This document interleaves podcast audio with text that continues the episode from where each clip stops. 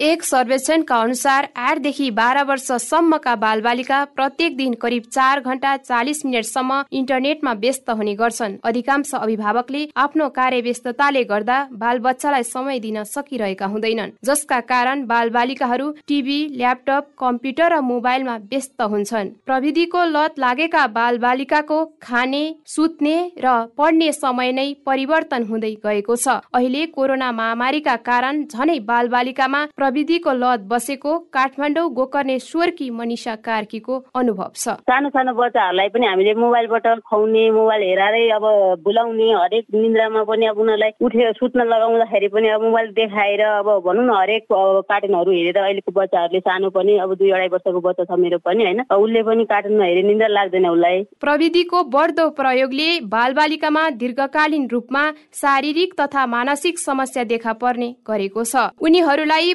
प्रविधिको लतबाट छुटाउन नसक्ने हो भने पचास वर्षपछि लाग्ने रोग तीस वर्ष नपुग्दै लाग्ने चिकित्सकको भनाइ छ। यस्ता बालबालिकामा स्वास्थ्य समस्या देखिए तत्काल निको हुने सम्भावना न्यून रहने बताउनुहुन्छ जनस्वास्थ्यविद अरुणा उप्रेती। आमा बुवाहरूले आफैले त्यो चौबिसै घन्टा मोबाइल हेरेर बस्ने काम छोड्नुपर्छ।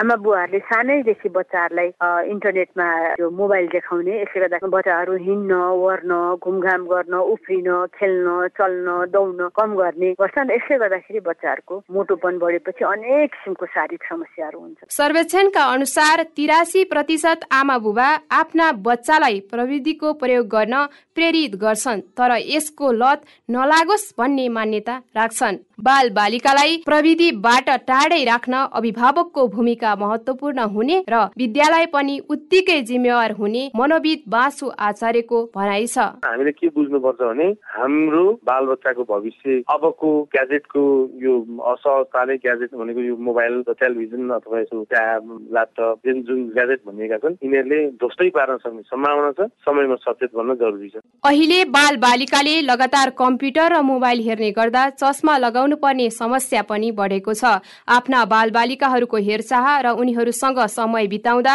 प्रविधिको लतलाई छुटाउन सकिने अभिभावकलाई चिकित्सकको सल्लाह छ। प्रविधिको विवेकपूर्ण प्रयोग गर्न अभिभावकले नसिकाए। भविष्यमा ठूलो संख्यामा बालबालिकाहरू शारीरिक र मानसिक रोगको शिकार हुने खतरा निश्चित प्राय छ। बेलैमा विचार पुर्याए भविष्यमा पछुताउनु पर्दैन भन्ने भनाइलाई अहिले नै मनन गर्ने कि रेडियो क्यान्डिडका लागि कविता कार्की।